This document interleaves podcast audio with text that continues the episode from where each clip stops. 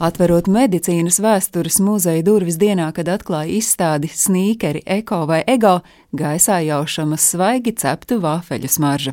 Sekojot savam degunam, nonāku telpā, kur pie vafeļu pannām rosās muzeja direktors Kaspars Vanaks. Labdien! Labdien. Man ir no visas sirds žēl radio klausītāji, kuri nesajūt smaržu. Šajā izstādē ļoti daudz smaržas. Viena viena vesela zāles daļa ir veltīta sneakeru ostītājiem, starp citu, kuri vai nu apmainās ar, ar sneakeriem, uh, vai tīri, lai, lai apmainītos ar saviem ķermeņa aromātiem. Vai arī ir piemēram, profesionālie sneakeru ostītāji, kas ir otrreizējā tirgus kolekcionāru online platformās vai no nu, tādās uh, smalkos veikalos, kas osta, lai noteiktu, vai sneakers ir oriģināls vai viltojums. Viņi pēc ožas var noteikt uh, sneakera statusu, tā sakot. Bet šitās ir wafels. Šobrīd šeit nesmaržo pēc pavalkātiem apaviem, bet gan pēc, pēc vafelēm. Svaigi ceptām beļģu vafelēm. Un tam ir divi iemesli. Pirmais ir leģendārais visu sneakeru galvu folklorā pazīstamais stāsts par par to, kā Nike dibinātājs novēroja no rīta, kā viņa sieva cep vafels brokastīm. Un tad viņš saprata, kā tu vari dabūt kausēto zoli bez šuvēm. Un viņš viņai noņēma to vafeļu cepamo pānu un, un uztaisīja pirmās vafeļu zoles. Jā, un mēs arī varam redzēt šo modeli un vafeļu pānu izstādēm. Nelielai atkāpēji sneakers tiešā tulkojumā no angļu valodas nozīmē zaglīgie, bet nu jau krietnu laiku pasaulē par sneakeriem dēvē sporta apavus, un ar tiem medicīnas vēstures muzejs ar izstādi sneakeri, eko vai ego sāk eksperimentu ārpus ierastā. Un man liekas, ka sneakeri ir um, ļoti labs piemērs, lai runātu par to, ka sabiedrībā ar vien vairāk uh, priekšstats par veselību veidojās caur patērniecības paradumiem vai patēriņa precēm. Un, un šiem patēriņa preču piegādātāju resursi ir daudz lielāki nekā tas, pieņemsim, varētu būt tādam medicīnas vēstures muzejam. Nu, tad mēs drusku pieņemam to izaicinājumu un pacīkstamies ar viņiem. Kas vispār jums pašiem visiem ir kājās vilkts? Es iesaistu sarunā izstādes kuratoru Stroģi. Nu, nav tā, ka mēs šodien speciāli uzvilkām sneakers. Tā ir viena no lietām, ko mēs sapratām, ka neatkarīgi no paudzes, kurai cilvēks pieder. Tie sneakeri, jeb ikdienas sporta apavi, ir lieta, kur var atrast gan jebkurš savā, savā skapī, savā garderobē. Caur šo mums pazīstamo priekšmetu mēs to patiesībā izmantojam kā tādu simbolu, kur mēs paslēpjam šīs tēmas, kuras mums interesē, kas ir ekoloģija, ilgspēja, šī ražošanas industrija, par kurām mums ikdienā varbūt nu, ne tik ļoti gribās varbūt, domāt. Un, un katru reizi izvēloties apavu pāri. Skaidrs, ka mēs varbūt uzmetam aci tai birkai, kur ir minēts, eh, no kurienes šis konkrētais pāris nāk, bet varbūt mēs neaizdomājamies par šo ceļu, ko šis konkrētais pāris ir mērojis, lai mēs viņu varētu ikdienā uzvilkt. To ekoloģisko pēdu, ko viņš ir atstājis nākot pie mums. Kamēr runājam, atskan svilpes signāls, kas liecina, izstāde ir atklāta. Kopā ar kuratori Elīnu Sproģi ienirstam medicīnas vēstures muzejā un vispirms nonākam neona zilas gaismas telpā ar trim ekrāniem. Jānis Šnē ir dizainers, kurš savas gaitas raisātas Latvijas Mākslas akadēmijā modes nodaļā un pēcāk ir nonācis tā teikt lielajā apģērbu zīmolu vidē Un, strādājis gan Adidas, gan pēdējos pāris gadus viņš ir Nike komandas biedrs. Šeit mēs varam ielūkoties Jāņa darba virsmā. Tas veids, kā viņš domā, kā viņš strādā, un mēs saprotam, ka kurpe nu, nav vairs vienkārši kurpe. Tā sastāv no tik daudz dažādām sastāvdaļām. Tur ir ergonomika, atspērīgums, materiālu, ilgspēja, spēja pielāgoties konkrētā cilvēka pēdē, lai sasniegtu maksimālu efektivitāti. Un tas process patiesībā ir ārkārtīgi radošs un aizraujošs. Un tad mēs uz trim ekrāniem principā redzam to, kā tiek modelēts, kā top eh, viens it kā salīdzinoši vienkāršs apavs. Mm -hmm. Jā, tātad, vērojot šo instalāciju, mēs varam piedzīvot ārkārtīgi daudz prototipu veidošanu 3D programmās.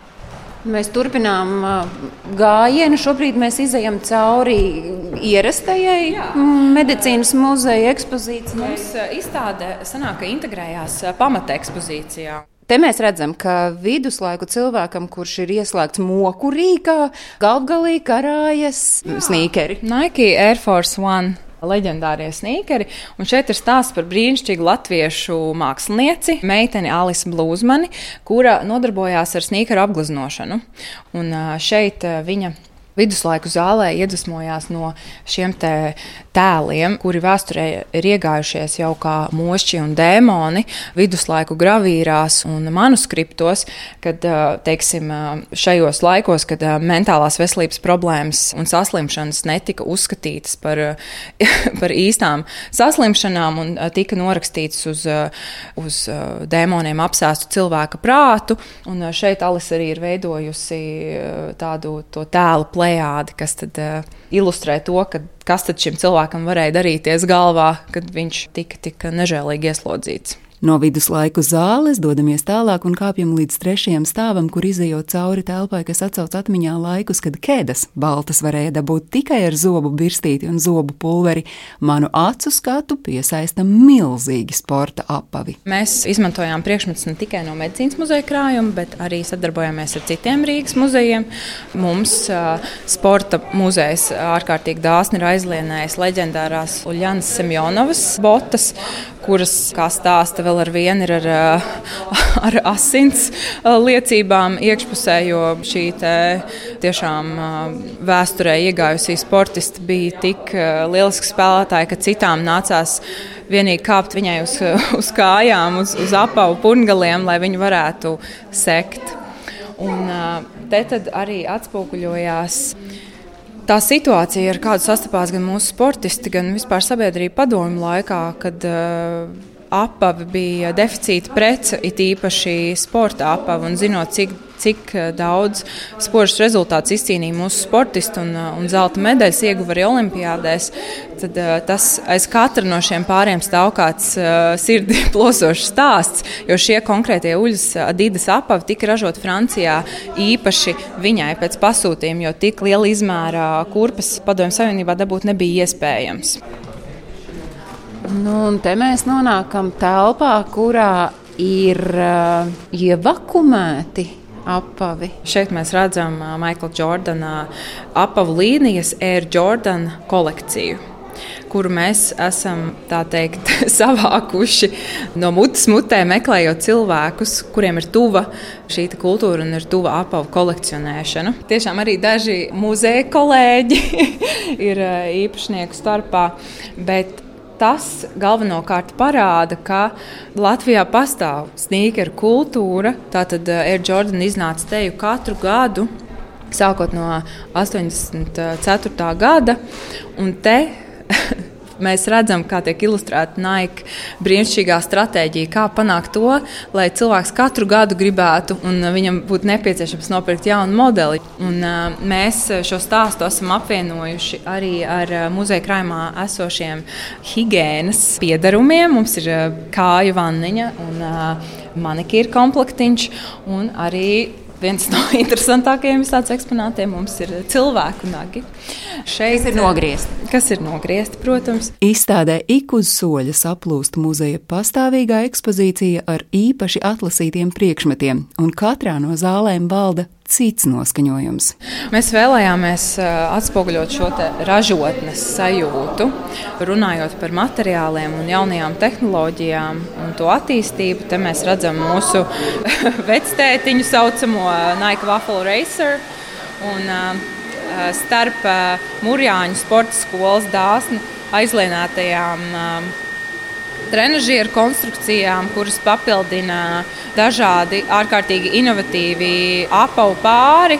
Mēs varam novērot, kāda ir tā situācija šobrīd, otrreizējā pārstrādē, jaunu materiālu radīšanā un apavu ražotnes funkcionēšanas principos. Un šis ir kaut kas pavisam jauns. Es skatos, tie ir abonējami sīkeri, un tie ir iegūti no rīcinas sēklām, kas ir simtprocentīgi bioloģisks un pilnībā pārstrādājams materiāls. Pie šo apavu tapšanas ir strādājis Latvijas čalis. Tieši tā. Un, līdzīgi kā mēs sabonējam dažādas mūzikas platformas vai televīzijas platformas, tieši tādā pašā veidā mēs arī varam iegūt sev skriešanas apavus. Maksājot noteiktu summu mēnesī, mēs saņemam šīs kurpes, mēs ar viņām skrienam, mēs viņas nesājam. Un brīdī, kad mums sakārojās jaunas vai ir nepieciešams iegādāties jaunas, mēs tās bez maksas aizsūtām atpakaļ un saņemam pretī no mūsu pašu kurpēm iegūtas pilnīgi jaunas kurpes. Un te nu mēs nonākam telpā, kur droši vien tie, kuri visu laiku gaidīja, nu, kur būs tiešām kaut kas no medicīnas, tad uh, sestajā izstādes telpā mēs uh, varam uh, atbildēt, jā, te ir arī medicīna šajā izstādē. Jā, šīs telpas centrālais stāsts pavisam noteikti ir uh, Dīna Grīnberga, kura ir uh, gan redzama šajā Reņģa Hofmaņa fotografijā, gan arī ir uh, šīs kājas protēzes īpašniece. Šajā telpā goda vietā ir likta protēze, kājas protēze. Dīna patiešām ir brīnišķīgs stāsts, kas parāda, ka šī stigma par amputāciju un ar uh, to saistītajām sekām un, un uh, ierobežojumiem, ko tā varētu nest uh, cilvēkam, parāda, ka tas ir pilnīgi pretēji. Esmu tas čels, kas uzskata, ka Te kaut kas aiz aizkariem vēl ir noslēpies. Jā, te mums ir tāds intīmāks kolekcionārs stūrīts, kur mēs varam satikt Emīlu Liepiņu un Girta Rozentālu divus kolekcionārus no Rīgas, kuru aizraušanās ir tieši snīkeri.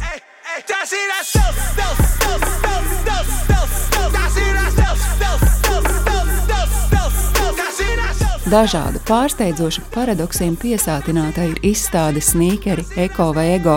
Tam piekrīt arī apmeklētājs Uldis ar piecgadīgo olīviju, kuras notveru vienā no telpām ar fēnu sildām audumu, kas siltumā maina krāsu. Jā, fantastiski! Man vislabāk patīk šis. Patīk tas fēns. Jā. Ir atrasts ļoti labs uh, skatu punkts, uh, apavī, veselība, ortopēdija, modernās tehnoloģijas. Es domāju, ka šī izstāde ir ļoti iedvesmojoša. Es uh, esmu ļoti, ļoti priecīgs, ka es, mēs atnācām uz šo izstādi. Un, uh, jā, tas ir kaut kas, kaut kas, manuprāt, ļoti inovatīvs un, varētu teikt, jauns, pozitīvs solis. Tas ir apzināts solis no medicīnas vēstures muzeja vadības puses piesaistīt jauniešu auditoriju, jo tā ir muzeja nākotne, un starp citu, izstādē ielaiž arī tos, kam kājās nav sīkeru.